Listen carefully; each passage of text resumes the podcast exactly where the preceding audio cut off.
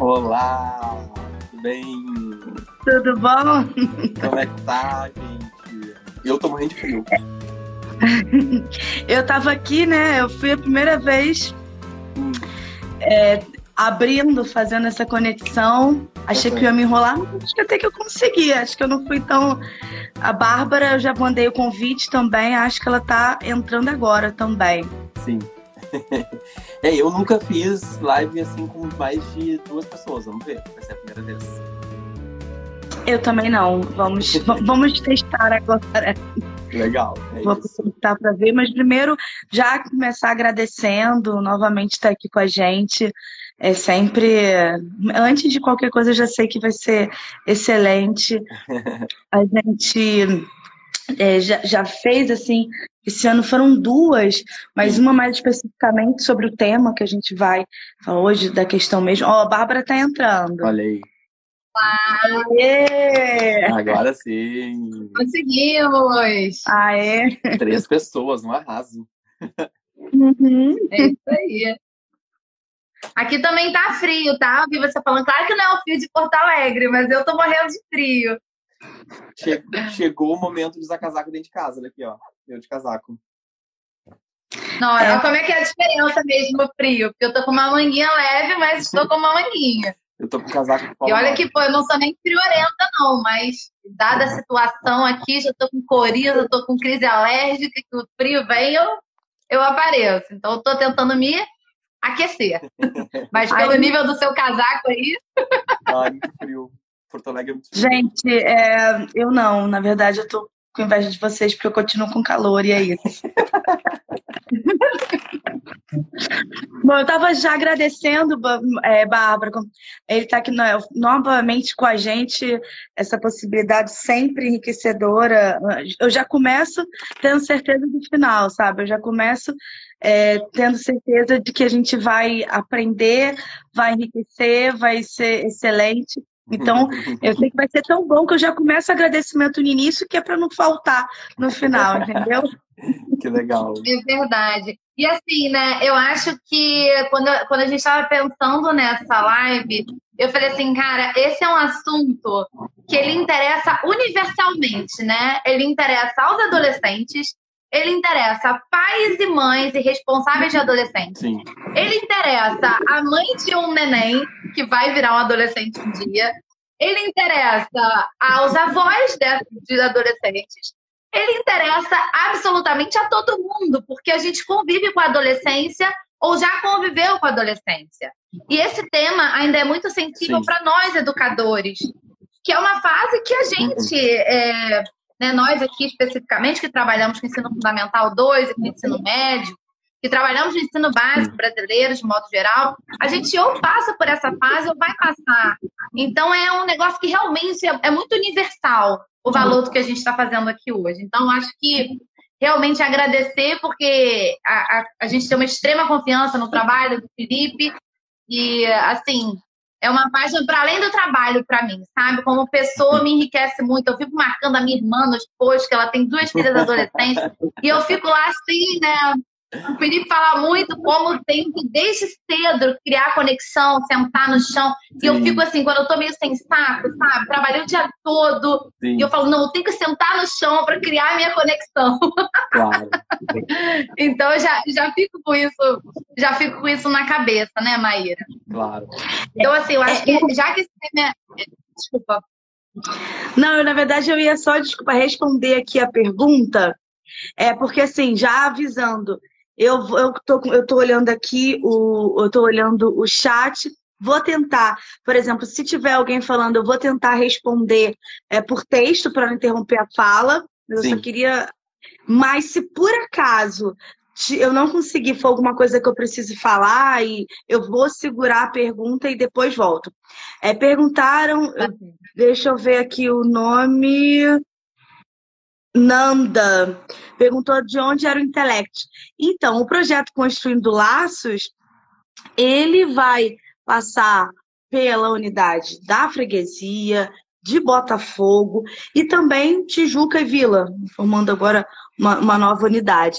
Então, tá, é um projeto que passa pela, pela rede mesmo que vai ser pra, é de todos. Então, se você. É, é no Rio de Janeiro, né? Vale dizer isso e, também. Então, é, de Botafogo, Freguesia e Tijuca e Vila, então você é, tá super é, convidada a participar e, e é para todo mundo, é para todo mundo se sentir bem-vindo. Porque nós somos, nós somos, nós estamos também com muitos seguidores do Felipe. Então, tem gente aqui que é de Porto Alegre, provavelmente, claro. de vários lugares do Brasil. Claro. Então, o Intelectus é um colégio do Rio de Janeiro que está em alguns bairros da Zona Norte e da Zona Sul. É, é um colégio que tem esse projeto, que é um projeto de que a gente entende como um projeto de humanização da escola. Eu sou a Bárbara, sou professora de História do Intelectus. Né? A gente está aqui com a Maíra Pobel também, que é uma professora de, de, de História também, né? mas de Sociologia, ela tem dupla formação. É, vou me apresentar rapidamente, a Maíra também, e a gente passa finalmente para a nossa grande pergunta que motiva essa live, que é o Felipe é um médico ebiatra e a gente quer saber o que, que a ebiatria tem a ver com a adolescência. Então, rapidamente, meu nome é Bárbara, como eu já falei, sou professora de História, tenho mestrado em História Contemporânea, trabalho com História das Mulheres, estou no doutorado também na Universidade Federal Fluminense, trabalhando com a mesma temática e a Maíra aí para se apresentar rapidinho. É, Maíra, é, vou, sou professora de História, de Sociologia, é, trabalho hoje mais com ensino médio, fundamentalmente com ensino médio, primeiro, segundo, terceiro ano, e apaixonada por jovens. E assim, já vou, inclusive, falar, puxar para o nosso tema, que é a questão do bullying, que hoje me perguntaram assim, o que que dentro de sala de aula, desde o primeiro momento, eu comecei a dar aula antes mesmo de ter me formado, aula particular, umas aulas, né, de o que seria uma monitoria, não era exatamente esse nome, mas era isso. E desde sempre, o que mais me chamava atenção eram essas relações tecidas pelos alunos dentro de sala de aula. Como que a escola é o locus da socialização, tanto para o bem e, e quanto para o mal também. Hoje, conversando com uma turma de terceiro ano, e no intervalo, a gente não ia para o intervalo porque a conversa foi, foi fluindo e contando das experiências, né? Os alunos têm a experiência, seja porque sofreu, seja porque sem saber na época cometeu, ou porque presenciou e muitas vezes não sabia o que fazer. E hoje, até pelo, vamos dizer, o terceiro ano, já está mais velho, já ter talvez uma consciência um pouco maior, não que as outras idades não, não possa ter, fala assim, nossa, eu fazia umas coisas que são, é, que eram horrorosas. Uhum. Ou então eu vi acontecer e como é que eu não, eu não percebia que aquilo estava errado? Como é que eu não falava nada para ninguém? Então eu acho que essa vivência de sala de aula ajuda a puxar e ajuda a perguntar. E a sua experiência? Por favor, se apresente e o palco é seu. gente, obrigado pelo convite mais uma vez, né? Tá podendo trabalhar aí com a escola. É, quem está assistindo a gente no Instagram aqui é, é, a primeira live que a gente faz no Instagram, né? Mas a gente já fez alguns trabalhos é, nos, nos bastidores da escola, digamos assim, né? Com os alunos e tal. Então, eu acho que também é muito legal a gente poder se apropriar desse lugar mais aberto, né? Assim, que todo mundo que conhece o Intelectus e quem também não conhece o Intelectus pode estar é, tá ouvindo. E aí, é, acho que principalmente, né? Saber do trabalho que vocês fazem, né? Do projeto que vocês têm construindo laços que eu acho que é muito legal e uma porta assim né de acolhimento para dentro de é, de um lugar que é a escola que na maioria das vezes claro é muito acolhedor mas a gente pode acolher ainda mais sempre né? Enfim. Então obrigado pelo convite. É, então vou me apresentar. Se vocês apresentaram vou me apresentar. Meu nome é Felipe. É, eu não sou do Intelectus eu fui convidado pela galera do Intelectus para conversar hoje aqui um pouco sobre bullying e adolescência eu sou médico ebiatra, que é o ebiatra é o especialista em adolescentes e jovens, né? Eu trabalho especificamente de 10 a 29 anos. É, é, sou médico é, que trabalho na UERJ, num lugar que chama NESA, que é um núcleo de estudos da saúde do adolescente, que é onde eu fiz a minha formação e é onde hoje em dia eu trabalho também profissionalmente já há 19 anos com a questão da adolescência e juventude. É um grande prazer poder estar falando com vocês aqui hoje. Obrigado pelo convite, de novo. Desculpa, eu estou aqui respondendo. Se eu ficar às vezes parada aqui olhando é porque eu estou respondendo. Não, não tem problema não. Vamos lá, a gente toca. É. É, Felipe, a gente, o nosso tema de hoje, que é o tema do ano do, né, que a gente escolheu para trabalhar nesse ano construindo laços. Quem não sabe, cada ano a gente trabalha um tema. Então, começamos a trabalhar com assédio sexual nas escolas. Depois, trabalhamos ano passado com saúde mental. Esse ano, nós estamos trabalhando com bullying. E eu acho que nós já entendemos que, na verdade, todos os anos o que a gente trabalha é com saúde mental, né, uhum. Maíra? A gente já chegou a essa conclusão que a gente trabalha, na verdade, com saúde mental, com todas as temáticas que possam afetar os nossos estudantes, os nossos discentes, durante esse percorrer que é maravilhoso, mas também que pode ser traumático, pode ser caótico. E a nossa função no Construindo Laços é transformar esse espaço no espaço democrático, no espaço mais acolhedor possível, tentando, se não por completo eliminar essas práticas, mas pelo menos conseguir controlar né, a forma como elas acontecem, para que elas não aconteçam deliberadamente ou com qualquer tipo de aval de omissão. Claro. Então, diante desse nosso tema que é o bullying, eu queria, e de, da fala da Maíra sobre experiência, eu queria perguntar para você, na sua experiência médica, se você já tratou algum adolescente, algum jovem que tenha sofrido impacto do bullying na vida, assim. Uhum. E a minha outra pergunta que já emenda nessa é a seguinte: você já conheceu algum jovem, algum adolescente que se colocou como agressor? Como a pessoa que produzia esse bullying ou só como que sofria? É. Olha, vamos lá. É, acho que é importante, talvez, para a gente poder começar a conversar sobre isso, é entender que, assim, é, é, onde tem é, ser humano, tem bullying. Né? Assim, o bullying, ele, ele é uma terminologia que ele é muito mais no ambiente escolar, porque é o lugar onde mais acontece. Mas também pode acontecer bullying em outros lugares, em, em, em, por exemplo, em escritório, né, ambiente corporativo, etc., né, no trabalho, enfim, isso pode acontecer com adultos, etc. Mas é claro que acho que o ambiente escolar é o principal foco, que é onde, estatisticamente, ele explode, né? E, e aí é isso. É, aonde tem escola, tem bullying.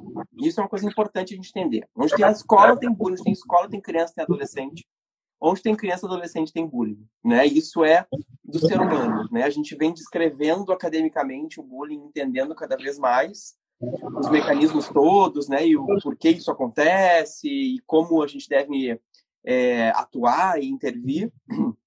Mas a gente sabe que isso existe há muito tempo, né? Não é possível, não é porque agora só a gente está nomeando que agora que ele passou a existir, né? Coisas que existem desde a época dos nossos avós é, mas que agora a gente está conseguindo entender melhor. Então, é, então acho que é importante a gente entender isso, né? Assim, aonde tem uh, criança e adolescente, tem escola, tem bullying, né? E aí é, é interessante a gente entender, acho que para início de conversa, o que, que é conceitualmente bullying, né? Porque às vezes também a gente pode achar assim, ah, meu Deus, mas assim, as crianças se implicam mesmo, os adolescentes brigam, isso é, é, é da, da natureza do, do adolescente, etc. É, mas eu acho que é diferente as brigas e os ruídos que podem acontecer entre crianças e adolescentes, que é uma coisa normal do, do, da relação deles, do crescimento, do desenvolvimento, né? Conflitos fazem parte, né? Mas diferente dos conflitos eventuais, o bullying ele se caracteriza é, por conflitos e intimidações sistemáticas, repetidas, né, com os mesmos atores. Então, acho que isso é importante a gente entender, né? Que tem é, a característica maior, né, de, de violência, de humilhação, de intimidação, é, por parte é, de uma figura que é o agressor e outra figura que é a vítima, né? Então tem esse, esse esse, esse binômio, né? E é importante entender que isso é de forma sistemática, né? Então isso que acho que faz a diferença é, dos conflitos eventuais que os adolescentes podem ter, crianças e adolescentes, né? Então essa é a grande questão. E aí lembrar que a gente não tem só dois atores nessa história do bullying, né? A gente tem normalmente a gente tem três atores que normalmente tem o agressor, tem a vítima e tem o espectador. que às vezes é, é, é tão é, importante, né, tão, pode ser tão violento quanto o, o, o, o, o agressor, por exemplo, né? E aí, dentro dessa gama de possibilidades, né, assim, é, eu acho que se a gente for pensar um pouco sobre a nossa vida de adolescente ou sobre, é, você está falando dos adolescentes mais velhos, né, olhando um pouco mais para a adolescência inicial, é, de um jeito ou de outro, a gente já participou de alguma cena de bullying, é, ou, ou como agressor, ou como vítima, ou como espectador, né? E aí, por isso que é tão importante a gente poder falar sobre isso no ambiente escolar no ambi e no ambiente familiar, porque a gente tem várias, vários lugares de poder fazer intervenções, né? Não só com o agressor, quanto com a vítima, como, por exemplo, a plateia né? Que a gente tem vários tipos de plateias também, né? Tem aquele espectador que olha e tem medo de sofrer ser a próxima vítima e não faz nada. Mas também tem aquele jovem que, que, que é mais empático e diz, não, peraí, o que, que é isso? O que está acontecendo? Não é possível. Isso não vai acontecer. E aí intervém na hora, ou fala para alguém, ou chama um adulto, etc. Então, só para a gente entender também como a gente tem uma gama grande de possibilidades de intervenção. E aí, entendendo, uh, entrando mais na sua pergunta, sim, já atendi muitos jovens é, em que às vezes não é a queixa principal da consulta, né? E isso é uma coisa muito comum em, muitos, muitas situações de violência cotidiana dos adolescentes e das famílias, né? É, normalmente o jovem não vem para consulta dizendo, ah, eu sofri bullying, ou ah, eu sofri uma, uma violência doméstica, ah, eu sofri um abuso sexual, né? Nunca é assim. As violências, elas sempre vêm disfarçadas, digamos assim, de outros sintomas, né? Então, assim, é uma dor de cabeça, é uma irritabilidade, é um, uma, um, um uma vontade de vomitar todo dia antes de ir na escola, é, ou não conseguir dormir à noite, ansiedades, etc., irritabilidades, etc., etc., né? E aí você vai indo uh, com muita delicadeza, né? E aí tem toda uma técnica, claro, do ponto de vista do, do atendimento do médico, do pediatra, é, para indo e chegar até, às vezes, na segunda, terceira, quarta consulta. É, mas às vezes não, na maioria das vezes, num primeiro momento, a gente já consegue identificar uma situação de bullying mais grave, sabe? E eu acho que se eu puder lembrar, assim, uma que me chamou muito atenção é, eu acho que tem uma coisa que tem se potencializado muito de uma menina que tinha tentado já por duas ou três vezes suicídio porque ela tinha sofrido um grave cyberbullying. É, que eu acho que é um bullying também que se potencializa muito, né? Assim, ainda mais hoje, é, neste momento que a gente está vivendo. E durante momento, a pandemia, né? Assim, intensificou demais. Exatamente, momento pandêmico a gente está totalmente conectado, os jovens estão conectados, conversando em, né, entre eles. O pelo... cyberassédio também cresceu muito. A gente teve denúncias, né, Maíra? É. De assédio sexual em, em celular, em, no ambiente digital, né? Exatamente. É, não tem como não pensar na questão. Agora, ficar com medo de ir para a escola também ocorre total, né? Principalmente nas crianças mais, na, nos jovens mais, mais novinhos, né? A gente tem é, é, relatos de, de, crianças de até oito anos que já, já sofrem bullying e praticam bullying, né? E acabam sendo agressores também.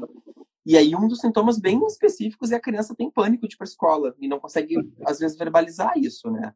É, só fica enjoada, não tá de vomitar, chorosa, não quer ir, coisas do tipo, né? E a gente tem que estar bem atento a esses sintomas, esses sinais, assim, né? Subliminares. É, me veio aqui, né, enquanto estava pensando até na, na, questão do cyberbullying ter aumentado durante esse período de isolamento, é, como que você acha que pode funcionar, por exemplo, para algum jovem ou adolescente que nesse ficou um período fora, de, fora da escola, então talvez um período que era importante, dependendo da idade, para socializar, seja num colégio novo, seja numa idade, uma série nova, colegas novos, e que por um ter se viu fora disso e está retornando. É, e muitas vezes esse medo do, do retorno, e isso eu já ouvi ventilando entre alguns alunos, tinha a ver também como que seria esse contato pós o período em casa. Uhum. Então é como se de alguma forma o período em casa tivesse atrasado ou tivesse retrocedido nessa experiência da socialização.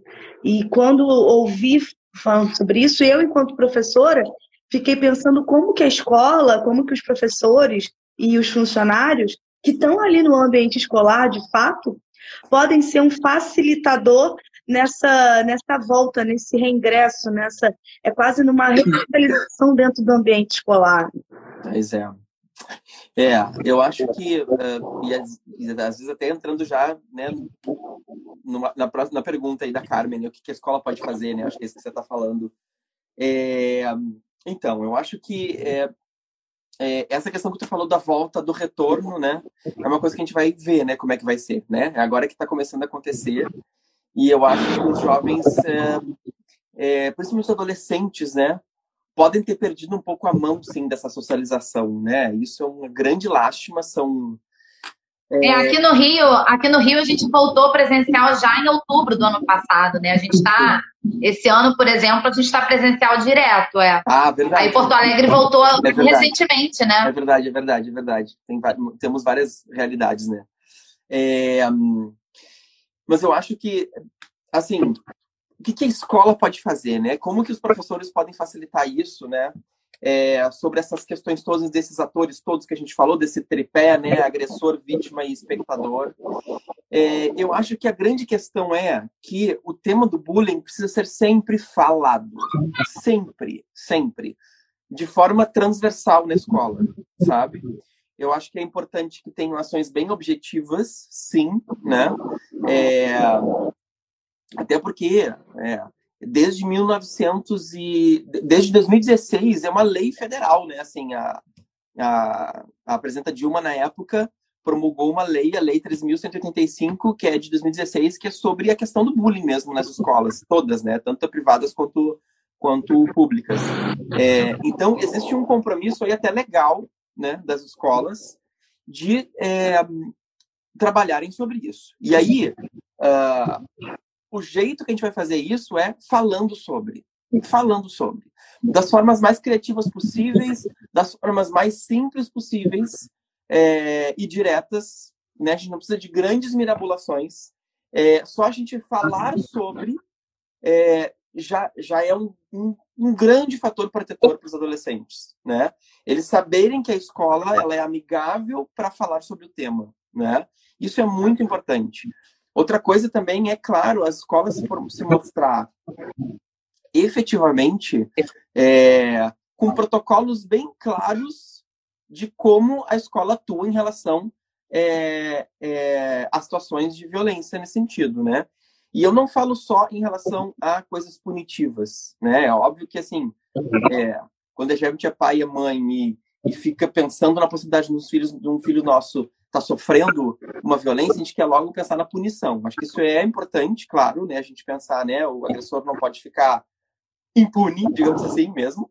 É, mas é muito importante a gente pensar antes, né? A gente pensar na prevenção, na promoção é, dessa saúde escolar, né?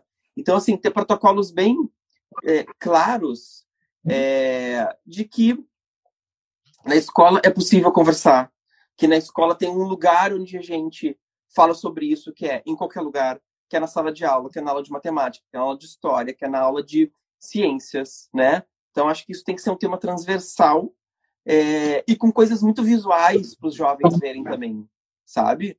É, coisas visuais mesmo, assim, fazer com que eles produzam, talvez, conhecimento, né? Vocês são professoras, sabem melhor do que eu.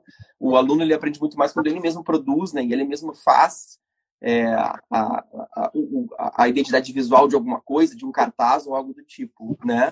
Então, simplesmente falar sobre isso já é um fator protetor, sabe? Principalmente para po, uh, potencializar os espectadores dos momentos de bullying da escola. Eu vejo é, nessa coisa de trabalhar os espectadores uma possibilidade muito grande, né? De transformar aquele jovem que está vendo bullying num potencial ator para dizer, não, peraí. Né? Ele, ele sair daquele lugar de medo, que ele vai ter medo de ser o próximo a ser violentado, né? Para dizer, não, peraí, vamos chamar lá a professora porque isso não está certo. Tem alguma coisa que não está certo, isso é bullying, né? Colocar isso na boca dos, dos, das crianças, dos jovens, né? Isso é muito importante, né? E efetivamente, claro, né, é, os, os, professores estarem, estarem abertos a isso, né? Para conversar sobre isso. Ah, não é besteira, não é bobeira, né? Assim, um apelido pejorativo não é uma bobeira, não é coisa de adolescente, né? Um apelido pode machucar extremamente uma, uma criança, um jovem, assim, pode marcar pro resto da vida, sabe? Isso é muito grave, é muito grave. Então a gente tem que, ó, cortar pela raiz essa história. Eu gostaria de, assim, eu estava falando na, nas outras lives que a gente fez, né, que gente, nós fomos entrevistadas nesse quesito de bullying também, nós fizemos muitas pesquisas, né, para poder trabalhar com isso. E eu, sinceramente, eu acho que o termo bullying ele, ele, é, ele é amplamente divulgado, mas eu gosto muito do termo brasileiro, que é essa intimidação sistemática, porque eu acho que ele qualifica de uma forma mais precisa o que é bullying. Uhum. Porque a linha tênue entre o que é bullying e o que é uma brincadeira aspas saudável, ela é o outro. E esse lugar do outro é de difícil acesso. Uhum. A gente não consegue perceber qual é esse lugar do outro, porque nós sempre vamos interpretar a partir das nossas crenças, nossos valores, uhum. o que nós achamos né, é, negativo ou não tem a ver com a nossa percepção de mundo. Claro. E assim, a gente sempre tem trabalhado aqui a noção da escola como microcosmos da sociedade. Sim. E essas violências na escola, elas podem ser perpetuadas para a vida adulta. Claro. E é o momento que a gente entende que há uma semelhança grande entre a questão do assédio e a questão do bullying né? Porque você tem é, esses três componentes também podem estar presentes. E mais do que isso, tem essa questão né, do ser sistemático e tem dessa da saúde mental da vítima. Então, Felipe, eu não sei se a Maíra quer perguntar outra coisa, mas a tua fala, assim, o que eu gostaria de perguntar, como mãe, como educadora, é assim, é, como que eu crio esse espaço de segurança no meu filho, na minha filha, para que ele consiga falar abertamente comigo que ele sofre esse tipo de violência. E, e, assim, porque há também um receio, imagino eu, né? Eu nunca sofri bullying, eu não posso. É, ainda bem também, nunca me senti na posição de agressora, mas assim, já vi muita coisa acontecer, muitas vezes fui omissa, uhum. algumas vezes consegui enfrentar, principalmente quando fiquei mais velha, então consegui ter mais força para isso. E na minha casa, eu falaria para minha mãe se eu sofresse algum tipo de violência, mas assim, eu sabia que o meu irmão sofria e sabia que a forma como ele falava, assim, era muito distante daquilo. Sim. Então, a minha pergunta é para as mães e para os pais que estão observando a gente, mas também para os filhos, é uma pergunta dupla. Como eu posso me comunicar com os meus pais sobre isso sem eles terem uma reação exagerada que vai fazer com que eu não queira falar, porque eu posso ser ridicularizado e o bullying pode ser ampliado? Uhum. E como eu, como pai e mãe, ao receber uma notícia dessa, posso atuar? Como criar esse espaço de segurança? Claro. Tem alguma dica para dar? Porque essa é a pergunta de um milhão de, de nem sei, um milhão de reais, né? O show do milhão e você chegou na última. É. E eu, porque isso me importa. É, é engraçado para mim hoje estar tá nessas, nesses dois espaços, assim. Uhum. Porque eu me preocupo tanto com o adolescente que está sofrendo bullying, quanto com o pai e com a mãe que recebe essa notícia. Claro. Porque na frente do meu filho, eu acho que eu ia ter que ter um autocontrole para que esse espaço continuasse a existir, não virar louca de que não vai deixar né, o meu filho ser agredido. Quando, na verdade, a minha ideia, quando meu filho é agredido, é fazer com que outras mães não tenham que passar por isso e, portanto, buscar um processo de ressocialização desse adolescente que está praticando isso. Sim. Que eu acho que é isso. Sim. Eu acho que falta o limite do outro. O bullying é uma total ausência de empatia, porque falta o outro Sim. nessa relação. Então, minha pergunta é um milhão de reais mesmo. Você vai ganhar aí se você conseguir. Mas eu vou me meter na pergunta de um milhão de reais, porque é, a sua pergunta vai ter ainda aqui, ó. Eu estava vendo as, as perguntas que estão acontecendo. E aqui, eu tinha, a Carmen Lúcia tinha perguntado o que a escola pode fazer para que esses espectadores alertem a escola sobre um possível bullying. Então, eu acho que vai, fecha aí a tríade, né? Como que eu comunico, é, como que eu recebo e como que quem está observando também pode participar. Ou Isso. seja, agora. Solucione, Felipe. Dá teu jeito. Então, vamos lá.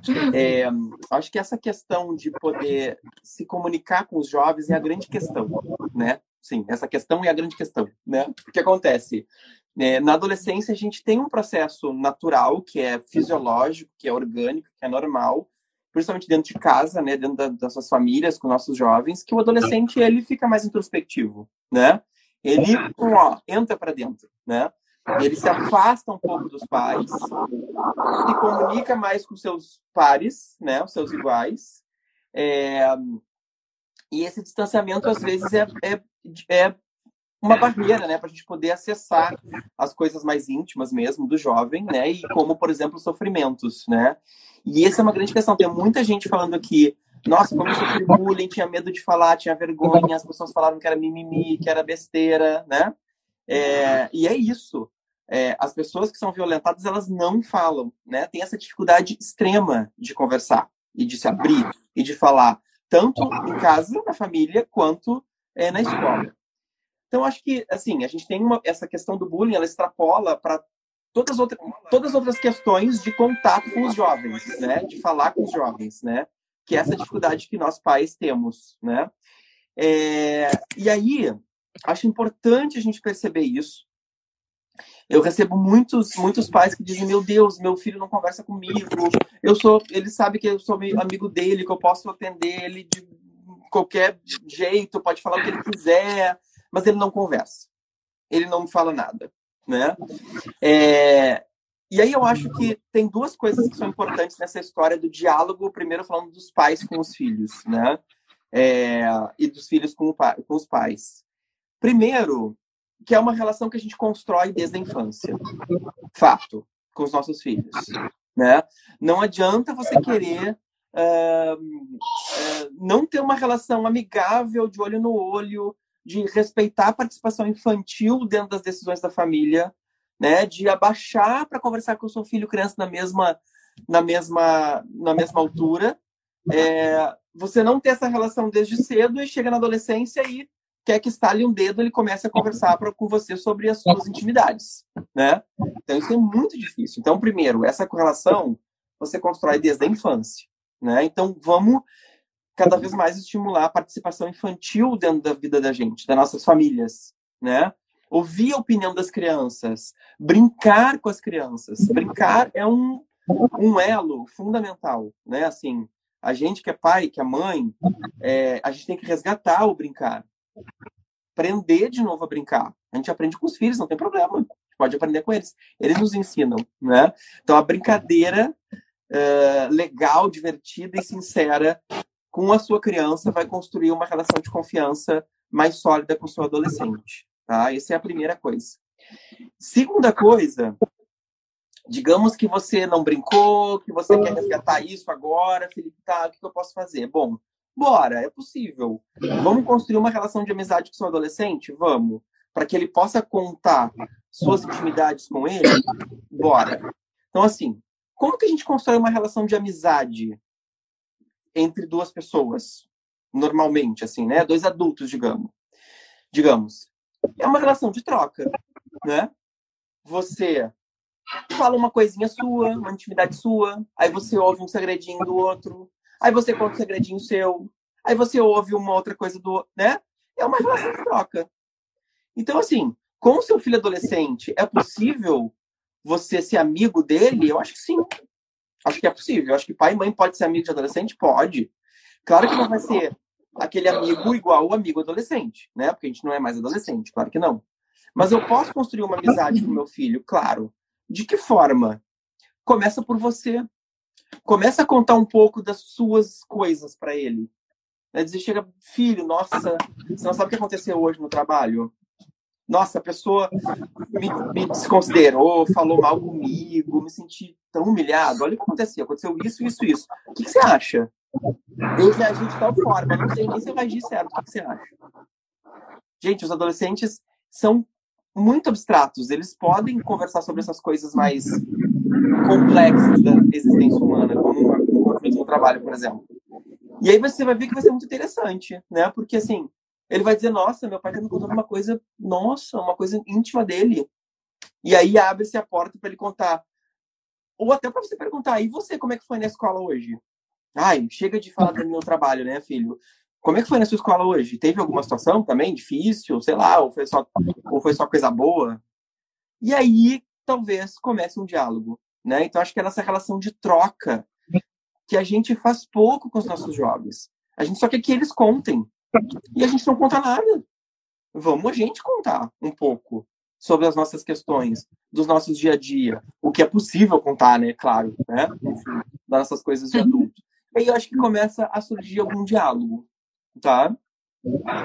E acho que a última coisa também é não ter medo de perguntar, sabe? É, perguntar, como é que tá a escola, filho? Me conta.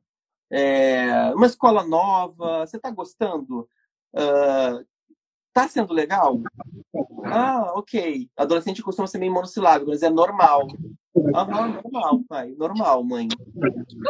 né? Eles sempre falam isso, normal. É, mas às vezes você pode perguntar assim: deixa eu fazer uma pergunta mais íntima. Tem alguém que chateia você na sua escola? Direto, assim, na lata, sabe? Alguém que chateia você, que humilha você? Não, que isso, pai? Ah, sei lá. Acontece, né? Eu já fui humilhado na minha escola. Eu via muito adolescente ser humilhado na, minha época de estudante. E aí eu, sabe que eu te amo. E eu queria saber, se tiver alguma coisa acontecendo, você pode falar comigo, a gente pode juntos fazer alguma coisa. Então, às vezes, uma pergunta simples e direta pode abrir uma porta, sabe? É o diálogo, né, Felipe? Porque eu acho que isso é, isso é uma coisa que dificulta, né? O adolescente ele tem receio de estabelecer esse diálogo de igual para igual. Sim. E o pai e a mãe, eu acho que também tem esse receio de, de estabelecer esse, esse, esse, essa troca de igual para igual e achar que está perdendo o respeito, porque infelizmente a gente ainda associa o respeito ao medo, né? Tem essa associação que se faz. Sim. E eu acho que muitos pais e muitas mães eles acham que o respeito é o medo, assim, e eu acho que isso também atrapalha um pouco esse diálogo. Claro. E o adolescente, por mais que não tenha pais assim, ele, se, ele, também se acostumou com uma ideia social de pai e mãe, que é essa ideia mais, poderia ser mais né, de cima para baixo, digamos assim. Claro. Então, eu acho que o diálogo mesmo é muito salvador, né, nesse sentido. Então, pelo visto, a nossa resposta de, de um milhão de dólares, ela existe, né? Ela é o diálogo, ela é a capacidade de dialogar um com o outro e enxergar mais horizontalidade, né? É. Isso não significa faltar limites, né? Não significa ser amigo do seu filho não significa que ele não vai ter limites, claro né? Não. Eu acho que isso é importante, né? não. né? Aliás, em todas as relações de amizade existem limites, né? Assim como a gente tem com a relação de amizades entre adultos, por exemplo, a gente tem limites bem claros em que os amigos podem fazer ou não com a gente, né? Eu acho... assim, né? amigos, amigos, negócio da parte, não tem uma coisa assim? Tem até um limite. É, eu acho que assim, até acrescentando. E desculpa, travou aqui, às vezes eu não. Para mim, a Bárbara, inclusive, está com a imagem travada já há um tempo. Eu estou ouvindo Sim. áudio. É. Eu tô com. Eu, eu tô travada? Há um tempo, assim, eu tô. eu tô ouvindo seu áudio, mas assim, você tá congelada, mas ficou uma boa pose, tá congelada bem. É, tá mas é, é uma sorte. É, o seu, sorte. Mas o seu áudio tá ok. Mas assim, só tentando sempre fazendo esse diálogo aqui com com o que o que estão trazendo na, nas perguntas e nos comentários, você vê que muitas vezes tem a questão também até da dificuldade da identificação do que de fato é o bullying. Porque, assim, uma coisa é, é aquilo que a gente já fala e reforça, que muitas vezes o quem a intenção, ah, mas ele estava só querendo brincar. Uhum. E, mas aí tem a questão de quem recebe como que sofre. Claro. E já até falou a questão do mimimi, e tem, tem sido muito compartilhado isso, e eu acho ótimo que tudo que não dói em você e só dói no outro, você acha que é mimimi. É. Agora, no momento que o dali te afeta, não, vira uma questão. Claro. Isso é uma. E uma outra, é, em algumas consultas já, quando vai tentar uh, falar sobre identificação, alguns pontos até hoje as pessoas têm dúvida Será que isso foi bullying? Será que eu fui vítima do bullying? Uhum. Por exemplo, é, criar grupos no WhatsApp que tenham o intuito de falar mal de alguém, que, tem, que vai espalhar sobre alguém. Uhum. Ou então, é, quando você tem um bullying material, uma brincadeira que ainda é muito presente, de pegar material do um pegar material do outro e ficar escondendo. Eu tava comentando sobre isso, ah, mas Maíra, isso não é bullying. Falei, para para pensar se o alvo desse estojo escondido, dessa mochila que é arremessada de um lado para o outro, vê se o alvo não é sempre o mesmo. Vê se aquele que estabelece algum tipo de poder ou se põe numa relação de superioridade por algum tipo de característica, se é a mochila dele que desaparece. É. Ou então a questão é, relatos também. Ah, eu odeio quando tem trabalho em grupo, porque formam os grupos, e aí ninguém quer fazer, e aí ninguém quer, ninguém quer fazer trabalho comigo, e muitas vezes o, o próprio professor fala: gente, ninguém aceita fulaninho no grupo, não, tá sozinho, não tem com quem fazer. Então, é como se esse sentimento de, de exclusão ficasse ainda mais reforçado por alguém que estaria ali numa situação de conforto, de acolhimento. Claro. E falaram que também né, trouxeram a questão perguntaram tipo grupo de fofoca. Isso mesmo. É, quando perguntavam fofoca ruim, é, você, quando vai ver a tipificação, você tem essa questão mesmo da, de você caluniar, de você inventar história, claro. de você excluir do convívio do restante do grupo. Alguém também vai ser configurado é, vai ser configurado como bullying e muitas vezes vai ter uma resposta tão cruel e uma, uma um resultado tão danoso quanto é, é quando se fosse alguma coisa assim, ah, só o verbal, só o falar alguma coisa. Às vezes não falar nunca com aquela pessoa também vai, vai ter uma consequência muito negativa do sentimento de rejeição. Claro. Uma outra coisa que trouxeram aqui, eu estou fazendo um, dando um feedback do que está aparecendo para gente, é a questão de como que, sim, a escola é o locus principal, as pesquisas mostram isso, se explica porque os jovens, os adolescentes estão muito tempo na escola, mas como às vezes dentro da família ou em outros ambientes também acontece e às vezes fica ainda mais problemático que chegue ao fim, porque, por exemplo, se acontece dentro da família, se acontece num ambiente que seria do apoio e do acolhimento, aí mesmo que é retratado como é brincadeira entre primos, é brincadeira entre conhecidos, isso daí você está levando muito a sério. Sim. Então, eu, eu trouxe um, um apanhado até para que você fale com a gente e, e, e, responda mesmo como que seria assim a forma mais fácil ou de repente a forma mais elucidativa, mais imediata da pessoa entender assim, não, isso não é simplesmente um grupinho para falar de fulano, porque eu não, eu não sou, não, não faço bullying. Como que às vezes é difícil você se ver no papel do agressor. É. É, eu acho que. É, só, pra, só antes de você começar, Maíra, gostaria de falar, porque muita gente que está falando, falando assim, ah, eu já achei que era mimimi, me falaram que era mimimi. E eu gosto sempre de clarificar, como eu vi na internet, que mimimi é a dor que não dói em mim, né? Então, acho que é, tem muito a ver com essa discussão aí que você pediu para o Felipe falar. É. Mimimi é a dor que dói no outro, não é a dor que dói em mim. É. Então, acho que é isso, né? Quando a pessoa fala que sente bullying, que ela está tentando ali formar, ó, eu acho que isso é bullying. Aí ela vai falar, alguém responde assim, não, isso é mimimi, isso sempre aconteceu, isso é uma brincadeira. Eu acho que, que tem a ver também com essa, com essa discussão, né? Sim, sim. É, eu acho que o principal questão que você está perguntando, né, assim, de como identificar, é, é isso até que a gente, você já falou, assim, né, é identificar a repetição. Essa que é a grande questão, né?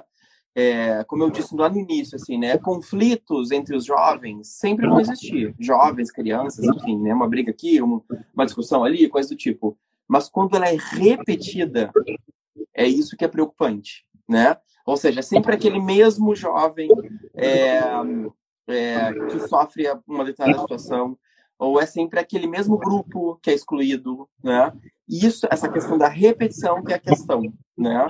Um, lembrando que, assim, várias são as possibilidades de bullying, né? Não só o bullying físico, né? Agressão física, mas como principalmente, né? Assim, uh, agressões verbais, na verdade, é o que é o mais comum, né? De 13% dos, dos casos de bullying são verbais, na verdade. É, tem muito essa questão do bullying escrito também, que é de fazer bilhetinho, fazer pichação, coisas na, na, na classe ou no banheiro, falando né, do nome de alguém, né?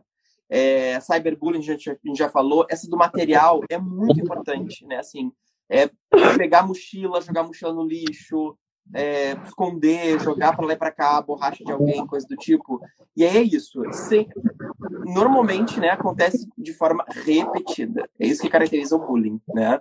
E a gente tem aquele perfil, né, do, do jovem que sofre o bullying, que é o jovem que normalmente ele é mais introspectivo, é um pouco mais tímido, é, é, tem as suas questões de ser um pouco mais isolado, aquele jovem que come sozinho no, no seu lanche no recreio, come sozinho, né? Fica excluído das atividades de grupo. Então, por alguma situação, por alguma característica, às vezes só por timidez, só porque é um jovem mais tímido, ele acaba sendo excluído e sofrendo bullying, né?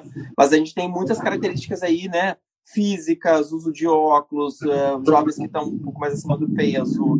É, e acho que tem um grupo importante também que são os jovens LGBT que ia mais, que são jovens que sofrem muito, muito bullying, né? Assim, 68% das pessoas LGBT relatam que sofreram bullying na infância, né? Simplesmente por serem LGBT, né? Por, por, por estar dentro do espectro da, da sexualidade diversa. Então, acho que é importante também a gente poder identificar é, esses movimentos e esses perfis é, para a gente mesmo, quanto espectador, jovem, os jovens estão escutando, né? É, poder também se dar conta de que aquilo não está legal, né? De, de o quanto aquele, aquele outro jovem está tá sofrendo, né? É, dentro dessa capacidade de poder se colocar no lugar do outro, né? Que a gente chama de empatia. Acho que isso é muito importante, muito importante. Até podemos trabalhar dentro de casa, né? Porque tem uma questão, meninas, que, que a gente não falou, mas que é interessante estar falando assim, de como identificar o, a vítima, né? É, de a gente poder conversar, etc. Mas você sabe que é mais difícil ainda de a gente, enquanto pais, identificar o nosso filho agressor. Porque é, você vai conversar com ele e vai dizer, como é que tá a escola? Ah, tá ótimo. Tá tudo bem, né? E para ele realmente está. É, normalmente o agressor é um cara mais popular, é, é uma pessoa que está mais, né, mais por cima da história toda, sempre, né? Não está sofrendo a princípio nenhuma agressão, então está de boas, né? Ou não, né? Às vezes alguns agressores também estão em processo de sofrimento, né? Isso é importante a gente também entender, né? É... E aí você vai dizer como a gente vai trabalhar o agressor, né? Bom, a gente acha que tem que trabalhar... Era uma pergunta que eu ia fazer. É, todos nós como potenciais agressores, né? Nós, seres humanos, cidadãos, né? Que a gente acaba reproduzindo as violências, isso é fato. Mas principalmente com os nossos filhos adolescentes, a gente precisa muito de colocar limites, né? Acho que o limite é uma é uma palavra e é uma, é uma ação fundamental na criação de filhos adolescentes, né? Amor, escuta, carinho é super importante, mas é muito importante a gente entenderem que existem limites claros é, nesse processo de adolescer, né? O adolescente quer se expandir, quer se colocar no mundo, isso é normal, ele quer transgredir, ele vai transgredir. O papel do adolescente é transgredir. Se ele não estiver transgredindo, ele não está bem. Mas, em contrapartida, o nosso papel é de colocar limite. A gente, inclusive, a gente é mais esperto, né? A gente é adulto, a gente tá nesse, nesse rolê aí da vida há mais tempo. A gente pode até saber, ó, hum, tá transgredindo. A gente sabe. A gente pode até fazer com ficar com um risinho é, no canto da boca, sorriso de Mona Lisa, sabendo que tá transgredindo e achando até bonito. É, porque é bonito, né, esse processo dos adolescentes de transgredirem, de falarem e tal. Mas o nosso papel é de colocar limite. Né? A gente vai colocar os limites para essa transgressão e dizer: não pode. Até aqui você pode ir, até aqui você não pode. Isso pode dar alguma borda para o agressor, né? Colocar ele no lugar de saber que existem alguns limites em todos os lugares da vida, não só em casa, mas aí esse limite de casa reverbera para esses outros lugares da sociedade, né? Como escola, relação com outros amigos, etc, etc. É, tem uma pergunta aqui que eu achei muito interessante. É, foi feita pela Rê Gomes Andrade, que diz assim: Meu filho tem síndrome de Asperger e sofre bullying na escola. É perseguido pela mesma pessoa e a escola trata como brincadeira de criança. Como fazer essa escola entender que está equivocada? Eu acho que isso passa pela gente também, né, Maíra? Essa, essa discussão aqui passa por nós três. Então, eu vou falar um pouco, Maíra, e depois a gente passa para o Felipe aí, que vai com certeza arrematar com mais é, com valores diferentes e, e, muito importantes. Mas eu acho que a, a, escola, e aí eu me refiro, eu sou educadora, Maíra também, e a gente tem um pouco de papel de gestão aqui no Construindo Laços, né? Eu acho que é, é claro que a gente tem realidades financeiras distintas e cabem escolas distintas. Mas eu acho, como mãe e como educadora, que na hora de escolher uma escola, é fundamental a gente entender as políticas e a cultura dentro dessa escola, né? Eu acho que isso é um papel que, como mães e pais e como responsáveis, nós precisamos começar a ter esse papel mais próximo e mais integral na hora de escolher uma escola. É eu passei por isso. No início do ano, eu tive que escolher uma escola para o meu filho e a escola que eu queria que ele estudasse não cabia na minha renda. Isso é muito doloroso, assim, como pai, como mãe, eu entendo isso perfeitamente. O mundo que a gente vive nos cerceia a possibilidade de escolas mais integrais. Mas tem escolas que, que não precisam necessariamente ser caras, porque o interessante é a gente entender a cultura da escola. As escolas que têm uma cultura acolhedora, elas não vão olhar uma, uma intimidação sistemática como uma brincadeira, especialmente com alunos de inclusão, que todos os alunos precisam ser incluídos. Nós todos temos que ser incluídos. A Lilian, que é a especialista em inclusão, que trabalha no Intelectus, ela fala isso o tempo todo. É, ela falou para mim, na frente da turma, Bárbara, você não teve que ser incluída quando você entrou no Intelectus? Eu estou há 10 anos no Intelectus e eu continuo tendo necessidade de ser incluída em diversos momentos. Mas os uhum. alunos de inclusão, eles têm uma necessidade maior desse acolhimento. Então, a gente conhecer a cultura da escola é um passo fundamental, porque o Construindo Laços, ele é recente, ele tem três anos. Mas a cultura de acolhimento do intelectus, ele já existe, é, ele é pré-existente em relação ao construindo laços. Então, assim, o, conselho que eu dou a você a qualquer pai e mãe é conhecer essa cultura escolar, porque é, é difícil para uma escola que não tem esse olhar acolhedor começar a ter por causa de uma movimentação tua. Então, eu sugiro que você entre em contato com outros pais e outras mães, e quando esse apelo for maior, o coletivo é mais fácil. E também sugiro que, é, que essa relação com a escola tente ser mais próxima nesse sentido, né? De escuta. Porque se a escola não está acolhendo o teu filho, provável que ela também não te acolha. Então, isso tem a ver com a cultura escolar também.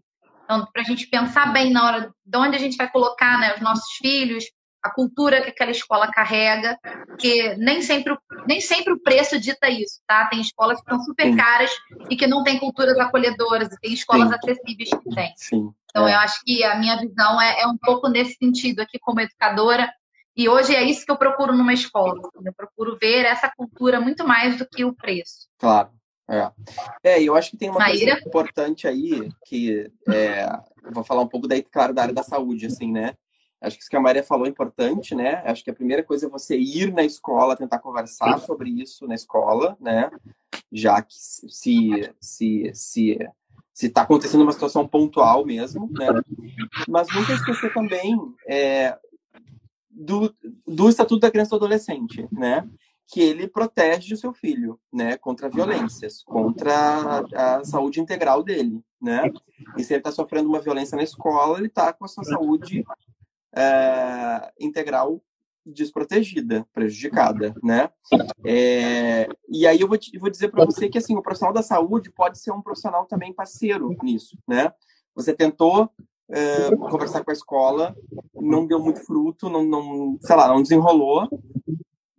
É, para além de você poder conversar sobre, com um profissional da saúde é, sobre isso, porque é possível que o adolescente ou a criança esteja tendo consequências mesmo psicológicas, etc. Isso, né? O profissional da saúde, ele também pode tentar fazer uma intervenção na escola. Então, assim, às vezes esse lugar de fora, né, pode dar uma mexida no, na estrutura escolar, né? Uh, não sei se estou sendo meio radical aqui, meninas, vocês que são do ambiente escolar, mas eu, no, meu, no meu ambiente de trabalho eu tenho algumas situações em que a gente vai até as escolas e senta e conversa. E às vezes são conversas muito boas, assim. É... Não, eu acho ótimo, Felipe. Que bom que tem essa possibilidade, eu nem sabia. Total, porque assim, se eu vejo um adolescente sofrendo violência em qualquer âmbito, em qualquer lugar da sociedade, eu, pelo estatuto da criança e do adolescente, eu tenho uma, uma obrigação de notificar o conselho tutelar, né? É, E aí eu, enquanto profissional de saúde, posso sentar junto com o conselho tutelar, sentar junto com essa escola e conversar sobre. Né? E a gente já teve situações muito legais que a escola disse, meu Deus, a gente estava assim, estava embaixo do nosso nariz e a gente não estava enxergando. Né? E a escola foi, sim, acolhedora e disse, muito obrigado. É, a gente pensar aqui dentro da nossa casulo também, e, e, e, em situações que foram muito efetivas, sabe? Que foram possíveis dar um, um sacudidão nessa estrutura escolar e, e as coisas andaram da melhor forma, sabe? É, eu, eu, assim, e Bárbara, você ainda continua congelada, tá? Só pra. Eu vi que tava. Eu, você não voltou em momento algum, assim, é pra ver. É, não, e eu vi que tava falando que tava sem som. Eu acho que algumas pessoas tiveram alguma questão, tá? Porque a maior parte estava conseguindo ver. É. Acho que era Pedro. Pedro, dá uma olhadinha para ver se tem alguma configuração do, do seu computador, tá? O celular, não sei onde você está assistindo. É, sobre essa questão da escola, é, aí eu vou levar. Eu não. Não vai ser a visão de uma mãe, eu não sou mãe na, em busca, e nem na questão de um profissional de saúde. Eu vou falar bem no papel de, uma, de socióloga mesmo, de alguém que vai estar atenta às dinâmicas sociais, no sentido de que a gente, mais uma vez, falou sobre a questão de que muitas vezes falavam que é mimimi, que é brincadeira. É, a sociedade ela se transforma. Então, práticas que eram vistas como aceitáveis, como normais, elas, em algum momento, a gente consegue perceber que não, que não são. A, sociedade é necessariamente dependente de crítica às suas tradições, ainda mais quando elas é, são percebidas como algo nocivo, como algo que precisa mudar, como algo que causa dor. Então, se é uma dor recorrente, se é uma dor que há muito tempo alguma pessoa sofreu, isso não significa que as pessoas precisam para sempre sofrer as mesmas dores, que isso pode ser mudado. E assim, o primeiro vezes falam, ah, mas bullying, na minha época já existia isso, só que só não tinha nome, o mais forte sempre bateu no mais fraco. Agora que tem esse nome, mas a prática sempre existiu. Sim, a prática sempre existiu. Talvez o que não existia era a consciência de quão problemática essa prática é. E hoje tem. E que bom que hoje tem. Que bom que a partir do momento que a gente identifica, a partir do momento que se vê não, não pode ser assim, não, as consequências é, são muito profundas. É, eu acho que isso passa até por um histórico de educação, a forma como a educação se desenvolveu. Se você pensar há um tempo atrás, castigos físicos eram normalizados dentro do ambiente escolar. Dentro do Lancaster, forma... né? Palmatória. Exatamente como forma de punição. Então, se você tinha os próprios agentes educadores utilizando da violência ou botar o chapéu do burro, virar, ficar virado para a parede, se essas práticas elas já eram feitas por quem estava no papel de educar, não é inconcebível que você tivesse uma consciência entre pares. Se na hierarquia já existia entre pares, isso é pior ainda. E a primeira mudança já ocorreu. Você já tem é, o espaço da escola sendo visto não como espaço da humilhação ou da rejeição, mas como espaço de, de fato da construção, como espaço de fato do acolhimento. E, e isso já mudou. Então eu acho que as mudanças elas vão ser graduais, elas vão ser lentas, elas só não podem ficar estagnadas. Então, claro. assim, se as escolas, ou algumas escolas, ainda estão a passos lentos nesse processo de transformação, ainda estão reproduzindo discursos que não cabem mais, discursos é, que já foram ultrapassados, que vamos dizer que não deveria nem ter existido. Eu acho que é, cabe também esse papel da gente estar tá falando assim, olha só, não é brincadeira, não é bacana, não é legal, e se em algum momento na prática escolar, se em algum momento no entendimento pedagógico já foi, agora não, mais, não é mais. Então, identificamos o problema? Vamos agora partir para a solução? Eu acho que é sempre isso, pensar também nas formas resolutivas, pensar como que a gente pode, de fato, é, identificar e falar, não, eu não aceito, não, eu não quero, e sim, eu vou cobrar mudanças, e sim, eu vou cobrar respostas. É. E acho que a gente tem essas duas linhas de trabalho, né? para situações que já estão acontecendo e para situações que podem acontecer. Então, né, uma situação mais profilática dentro da escola. É, e aí nunca deixar de lembrar, assim, do profissional de saúde, né? Aí vou falar aqui da minha, da minha área, né? O profissional de saúde está sempre aberto para poder falar sobre essas questões também, né? Assim, é, e na consulta, consulta, do adolescente, do EBIATRA, a gente sempre aborda questões da escola.